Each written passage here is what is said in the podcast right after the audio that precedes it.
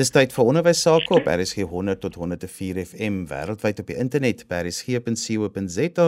Onthou jy kan ook na ons luister op die DSTV se audiokanaal 813. Die program is ons in die onderwys saam met my Johan van Lille. Hierdie tyd van die jaar kyk ons altyd terug op die jaar wat was en ek het vandag 3 kenners genooi om saam met my te gesels en ons gaan 'n bietjie reflekteer oor wat was positief, wat was negatief en wat was die interessante dinge wat hierdie jaar op die onderwyskalender gebeur het. My gaste vandag is professor Mariet Reyneke en sy is verbonde aan die fakulteit regsgeleerdheid van die Universiteit van die Vrystaat. En dan is dokter Jaco Dieken ook met ons. Hy is uitvoerende hoof van FETSAS en professor Michael Cordeer, hy is die fisiedekaan vir leer en onderrig in die fakulteit opvoedkunde aan die Universiteit van Stellenbosch. Ek wil sommer by jou begin Michael. Kom ons dink eers oor 'n paar positiewe dinge wat vir jou uitgestaan het van hierdie onderwysjaar wat jy dink hier dinge nou mooi bymekaar gekom of het hulle nou mooi gemaak? Johan, baie dankie. Goeiemiddag aan al jou luisteraars. Uh ek het onlangs uh dieselfde vraag moes antwoord by die woordfees. En en toe het ek gesê en ek gaan sê wat ek toe gesê het. Vir my die mees positiewe wat nog agterwend word. Is die feit dat die onderwysdepartement kon daarin slaag dat ons uh tot 'n baie baie groot mate kon terugkeer na uh wat ons aangewoond was. En die feit dat hulle die hele situasie na die COVID pandemie kon stabiliseer vir my is 'n baie baie positiewe punt want dit het die die skole en die aard van die saak die kinders die geleentheid gegee om te kon aanvang met hulle uh opvoedkundige proses. En dit is baie belangrik in ons land uh dat ons uh, almal moet toesien dat ons kinders wel hierdie opleiding ontvang uh want ons ons toekoms gaan gaan gaan 'n moeilike toekoms wees en kinders wat net uh goeie kwalifikasies gaan hê, gaan sukkel uh hulle gaan sukkel om om om 'n werk te kry, hulle gaan sukkel om hulle self te handhaaf en en en, en die goeie onderwyskwalifikasie is die basis van al hierdie uh, dinge vir die toekoms. So in daai opsig wil ek sê ek is dankbaar dat die onderwysstelsel en almal wat deel is van die onderwys uh milieu die onderwyslandskap die uh, Jaco Dieken is deel van hierdie gesprek wie uh, FETSAS en en en wat hulle doen vir ons by enige liggame die studenteorganisasies die universiteite uh nie regeringsorganisasies hierdie hele uh kweekhuis van onderwyskundiges het saamgespan sodat ons uiteindelik hierdie jong kind, hierdie jong kleintjie kon kweek vir die toekoms en daarvoor is ek oneindig dankbaar. Michael het nou na jou verwys. Jaco, so kom ons gaan sommer verder na jou toe. Jaco Deeken, uitvoerende hoof van FETSAS. Wat was vir jou die positiewe dinge wat vir jaar gebeur het in die onderwys?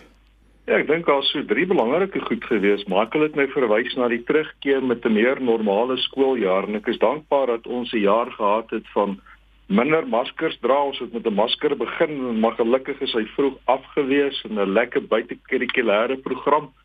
Dink is so belangrik ook vir die deelname van ouers om weer op die skoolgronde te kon wees en langs die sportveld om te kan luister na die koor en ek dink dit was 'n groot gemis as 'n kind deelneem aan hierdie aktiwiteite maar daar's nou niemand om dit saam te geniet nie. Daardie ondersteuning van ouers en grootouers, ek dink ons is dankbaar dat ons dit hierdie jaar kon beleef.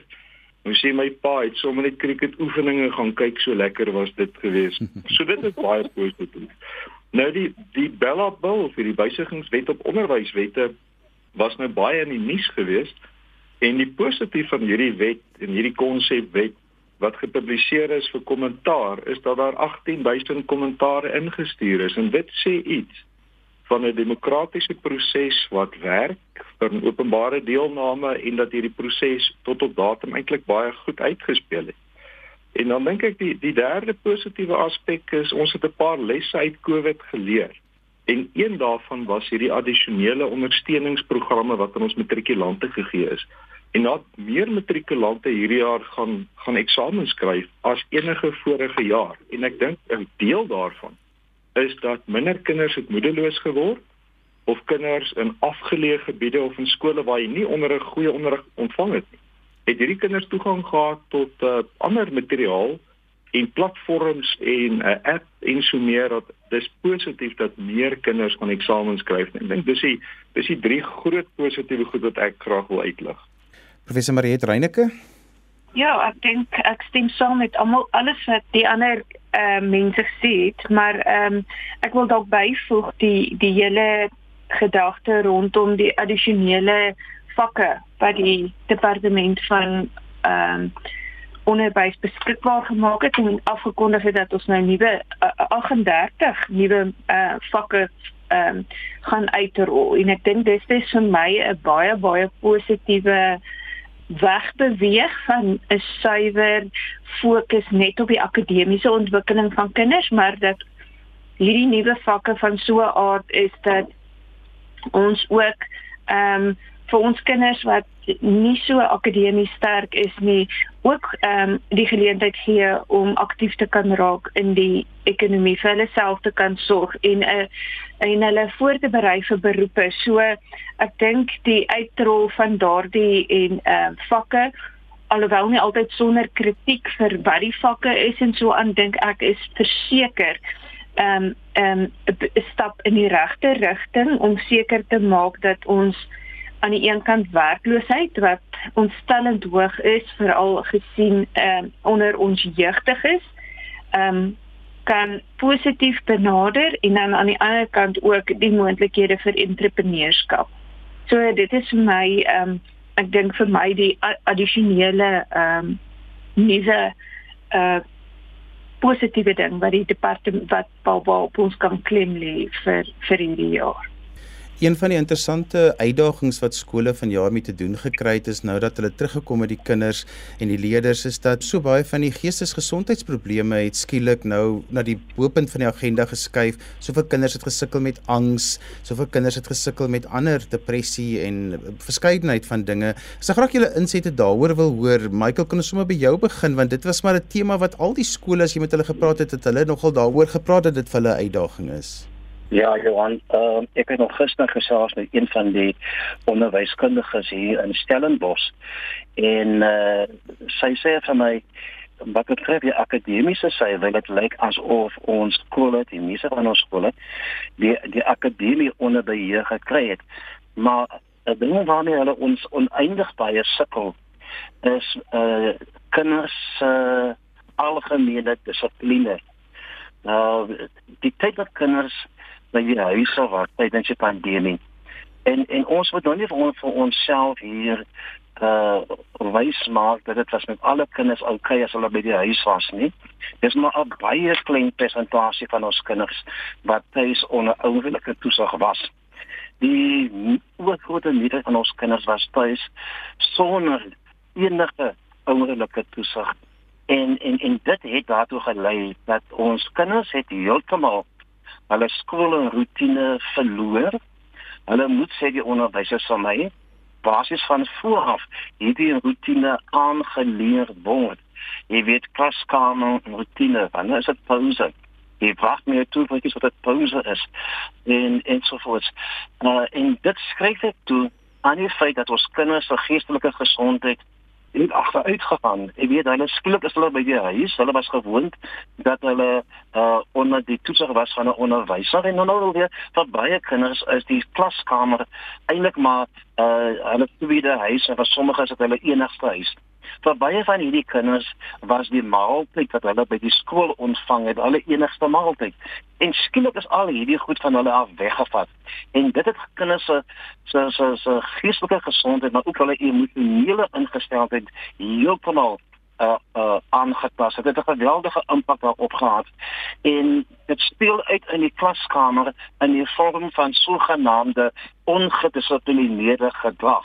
Maar as jy net 'n bietjie baie diep gaan ontleed, ek het gesels met 'n sielkundige, 'n skoolsiek sielkundige, dan is dit as gevolg van hierdie feit dat die kind voel emosioneel onseker, hy voel sielkundig ontuis en die kind moet nou wanneer as 'n kind van graad 1 weer leer om van voor af sosiaal aan te pas. En dit het die onderwys uh sisteme die onderwysorganisasies gedwing om bietjie dit kan die bokse dink en skielik moes hulle meer aandag gee aan kinders se geestelike gesondheid.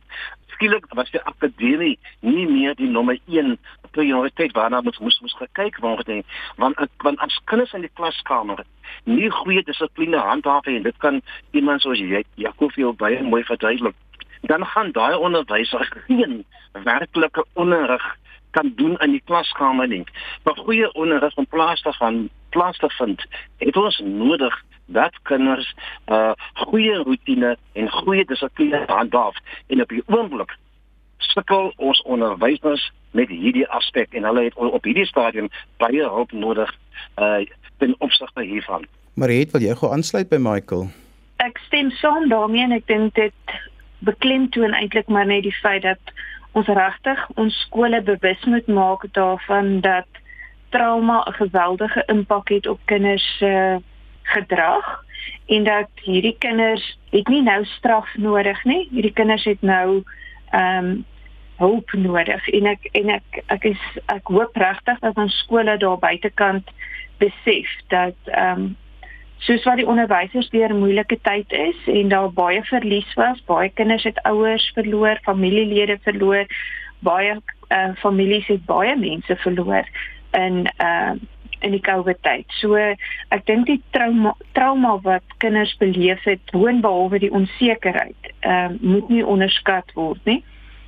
En ehm um, ja, daarom dink ek ook dit is belangrik dat skole waar moontlik en dan die departement dan ook regtig waar probeer om maatskaplike dienste en sielkundiges en ehm uh, uh beraders beskikbaar te maak by skole om regtig waar ehm um, die onderwysers by te staan maar ook ook die kinders want die onderwyser kan ook maar net soveel doen as wat as wat sy eie geestesgesondheid toelaat. En en ek dink dit mense moet ook onthou dat ons onderwysers onder geweldige druk is om op te vang met alles wat verloor is um, in hierdie tyd en ehm um, dat hulle die waardeur die drif moet kry maar dat hulle ook deur hierdie trauma en onsekerheid is en ook hulle eie geestesgesondheid ehm um, moet in ag geneem word. So ek ek is bevrees dat ons partykeer so jaag om te kom om by die akademie op te vang dat ons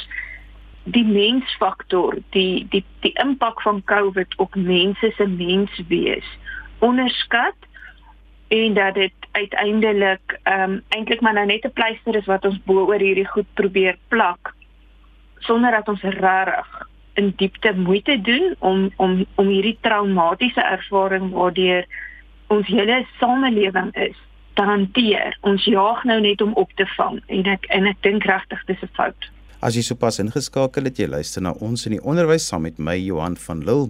Vandag kyk ons bietjie terug op die jaar 2022, wat het alles gebeur in die onderwysjaar. Ons kyk wat was positief en ons kyk ook wat was negatief. My gaste is almal kenners, professor Mariet Reyneke, Dr. Jaco Deeken en professor Michael Lekordeer. Jaco, nou wil ek 'n bietjie terugkyk oor dit wat verkeerd geloop het hierdie jaar. So ek wil sommer by jou begin. Wat was vir jou die groot aspekte wat jy dink ons moet oorgesels wat hierdie jaar nie so lekker gewerk het nie in die onderwys? Ja, ja, ek dink die die terugkeer na COVID uh, na die normale program het het ook druk op bepaalde goed gesit want ons het vir 'n paar jare nou nie getoer nie en net klomp sport en buitekurrikulêre goed gehad nie en party skole het amper oorboord gegaan na die ander kant toe. Nou ek het lekker geluister wat Mariet en Michael gesê het, maar ek dink die lekker gedeelte van skool is is met COVID beperk gewees. So dis nie normaal om met maskers te werk en te loop nie. So amper het ons dalk amper te veel aan die kant toe gegaan. So dit was regtig baie baie vol skoolkalender gewees. Die onderwysstelsel het nie verbeter tydens Covid nie. Die leierskap in provinsies is meeste van die provinsies is totaal en al gebrekkig. Die klomp geld is deur onderwysdepartemente gemors in hierdie Covid pandemie. Ehm um, en daardie geld voel ons nou met die poste wat gesny word in provinsies. Die feit dat twee van die provinsies gaan nie gaan nie eens nagenoeg genoeg geld in hierdie volgende jaar hê om skole behoorlik te kan befonds nie en ons sien in 'n paar provinsies 'n sny van van begrotings en 'n direkte gevolg is die wanbestuuring tydens hierdie COVID pandemie. Dan is daar ook 'n skuif gewees van die vroeë kindontwikkelingssektor, die sogenaamde ECD uh, of die kleuterskole na na onderwys toe en baie mense het gedink daar gaan geld beskikbaar wees dan vir ons kleuterskole en daar het absoluut eintlik niks van gekom nie dis maar 'n lesenaar wat van een departement na 'n ander departement toe geskuif het en ek dink die onderwysstelsel gaan meer druk ervaar vorentoe om regtig voorsiening te maak vir die leerders. Ons is daaroor baie bekommerd. En dan het die meeste departemente wat druk het oor toelatings. Praat van Gauteng en ek praat van Weskaap heeltemal te min gedoen in die afgelope 12 maande om skole te bou. So ons gaan weer tydelike klaskamers sien wat opgerig word en bybou in plaas van nuwe skole en dit het nie gebeur nie. So Januarie gaan daar in ten minste twee provinsies geweldige geweldige druk op bestaande skole wees en bestaande infrastruktuur omdat die leiers eenvoudig geslaap het terwyl hulle moes gebou het. Maar het wil jy aansluit by wat Jaco gesê het en dan ook sommer wat op jou lysie is van wat nie reg geloop het nie? Ek kan maar net saam met Jaco stem en ehm um, dit is hartseer dat ons in daai posisie is en en dat as ons nie leierskap verbeter in onderwys nie en as nie regtig 'n visie het vir vir onderwys nie gaan ons kinders op die ou einde die swaarste dra. En vir my was die negatiewe goed was daar 'n paar insidente gewees wat ek dalk wil ehm um, uitlig wat wat wat, wat vir my tra traumaties is amper wil ek sê. En ek dink vir my is die eerste ernstige probleem is die feit dat ons 91000 tienerswangerskappe het ehm um, wat gerapporteer is in hierdie afgelope in hierdie afgelope tyd. Ehm um, en daai statistieke is is vroeër hierdie jaar beskikbaar gemaak. En ek dink nie ons besef wat is 91000 nie. Ons moet net 'n bietjie mooi gaan dink. 91000 is omtrent twee groot stadions. Sportstadions vol jong meisies wat babas gaan hê. En dit is vir my regtig waar problematies dat ons ehm um, so groot hoeveelheid swanger tieners het. Ehm um, die tweede een wat daarmee saamgaan is die hele kwessie rondom die groot getal kinders of dogters tussen die ouderdom van 10 en 14 jaar wat swanger is. Hierdie dogters kan nie toestemming gee om hoegenaamd seksueel aktief te wees nie wat eintlik daarop neerkom dat ons praat van al daardie kinders in terme van die reg is gevalle van statutêre verkrachting. En dit is my eintlik skokkend. As ek as ek as ek dink dat 10-jariges gerapporteer word en en, en meer as 1 10-jarige in in sommige uh, provinsies dat daar gerapporteer word dat daai kinders swanger is. Die positief is dat die departement het wel in hierdie jaar die beleid ehm um, 'n beleid beskikbaar gemaak vir die voorkoming en ehm um, hantering van van tienerswangerskappe in skole. En ek kan maar net hoop dat ehm um, dit wat op papier is in die praktyk gaan gebeur. En daar's 'n dit is 'n is 'n is 'n baie goeie beleid, maar dit vereis byvoorbeeld samewerking, dit vereis dat mense hulle ehm um, opinies moet verander en dat 'n tiener byvoorbeeld nie gestraf moet word omdat sy swanger is nie, maar gehelp moet word sodat sy en die baba byvoorbeeld die beste moontlike toekoms kan hê. So tienerswangerskappe was vir my 'n 'n 'n 'n groot probleem geweest dan goed wat ons kinders uit die skool uitgehou het, byvoorbeeld die vloede in Natal wat ehm, 'n um, groot invloed gehad het. En dan terug na ehm um, probleme met hoe die reg verkeerd geïnterpreteer word en hoe ons eintlik um, 'n misbruik van mag het en en en hoe ons dit eintlik verkeerd interpreteer en ek verwys hier spesifiek na die insident in 'n skool in Natal waar daar 'n deursoeking was van die skool se kinders en ehm um, daar's beslag gelê op 400 selfone. Nou die eerste probleem met dit byvoorbeeld is dat dit is nie 'n misdaad om 'n om 'n om 'n selfoon by jou te hê nie. So daardie konfiskering van van en deursoeking van die kinders was totaal en al teen enige regmatige ehm um, bepalinge in die wet en dit is my dit is my baie baie sleg dat ehm um, dat ons so misbruik van mag het die kinders het het gereageer deur die skool aan die brand te steek en op die ou end het ons net gesê die kinders is onbeheerbaar maar niemand praat oor die feit dat die wet is oortree. Al was 'n onregmatige deursoeking van kinders gewees. En so Ehm um, ek dink dit was so drie van die groot ehm um, negatiewe insidente vir my vir hierdie jaar gewees. En dan oor na Michael Cordeer wat so mooi vir ons gewag het om na sy deel op te sê. Baie baie dankie.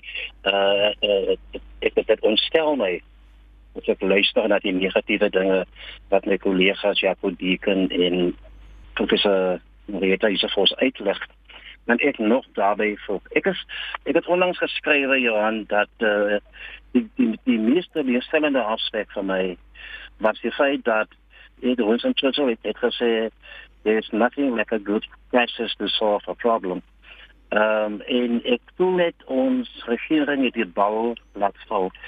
Hier was die perfekte geleentheid om van daai baie dringende kwessies waarmee skole al so lank worstel te kon oplos. Uh ek sê dit ook in 'n boek van my waar ek sê hier was 'n geleentheid gewees om uh geld te bekom vir die uh, baie baie noodsaaklike uh klaskamers wat benodig word by skole. Hier was 'n geleentheid om skole te bou en te sê maar weens Covid moet ons sosiale uh, afstande in skole hanteer en daarom het ons meer skole nodig. So ons moet nou as 'n as 'n noodsituasie nog skole bou en dit soos Jaco uitgewys het het nie gebeur nie. Ek dink daar is 'n guldige geleentheid het daar verbygegaan.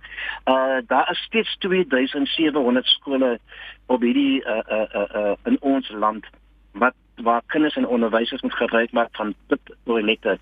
Uh ten spyte van 2,5 jaar van COVID is is daai situasie nie aangespreek nie. Daar is nog duisende skole wat nie vars water het nie. Hoe kan kinders hulle hande was as ons 'n higiëniese toestand wil hê? En net die geleenthede van my dink ek het die regering nie gedoen het. Hulle het hier geleenthede gehad, maar dit is uh nooit benut nie. Ek wil dan reg kom dan nog 'n ander aspek. Dit is die hele idee van uh die vroeë kindontwikkeling. Ek weet daarna verwys dat dit is die die die Die graad R klasse is nou verskuif van die departement van maatskaplike ontwikkeling na basiese onderwys waar ek dink dit in elk geval moet wees en wat dit tuis hoort. Maar dit het nie gepaard gegaan met die nodige infrastruktuur en die befondsing wat wat dit daar gestel is het. Dit is soos om dit is soos om 'n klomp 5-jarige kindertjies by 'n skool af te laai en dan vir die skoolhoof te sê hier's die kinders. Maar dit ongelukkig nie vir jou onderwysers of klaskamers of banke uh uh vir hierdie kinders nie maar jy moet asseblief nou 'n plan maak. En ek dink dit is so onbillik. En uh maar dit het verwys na die verkrachting van jong kinders tussen 10 en en 12 jaar. En dit is die direkte gevolg van jong meisiekinders wat by die huise was sonder toesig En as gevolg hiervan het die regering die nood gevoel dat uh dat er moet, er moet nou verpligtend wees en dat hulle baie denkskewe kon maak. Dit is dit is dit is goed. Maar dit moet gepaard gaan met die nodige infrastruktuur daar te stel en dit het nie plaasgevind nie. So ek is bevrees uh, ons het het bloot een probleem, dit skuif van een departement na 'n volgende en uh, aan die einde van die dag sal dit nou weer die skole cool dit with the FETSAS en ander organisasies moet wees dat hulle moet kom met kreatiewe uh, idees hoe hierdie krisis opgelos kan word. En op daardie punt het ons gekom aan die einde van vandag se ons in die onderwys. Ons het vandag teruggekyk op die jaar 2022 se onderwys. My gaste was professor Mariet Reyneke, Dr. Jaco Deeken en professor Michael Cordeer. Op die 1 Januarie gesels ons oor wat die jaar 2023 inhou. Onthou jy kan weer na vandag se program luister as 'n potgooi. Laai dit af by resgep.co.za. Skryf gerus vir my e-pos by Johan van Lille@gmail.com. Dan groet ek dan vir vandag tot volgende week van my Johan van Lille. Totsiens.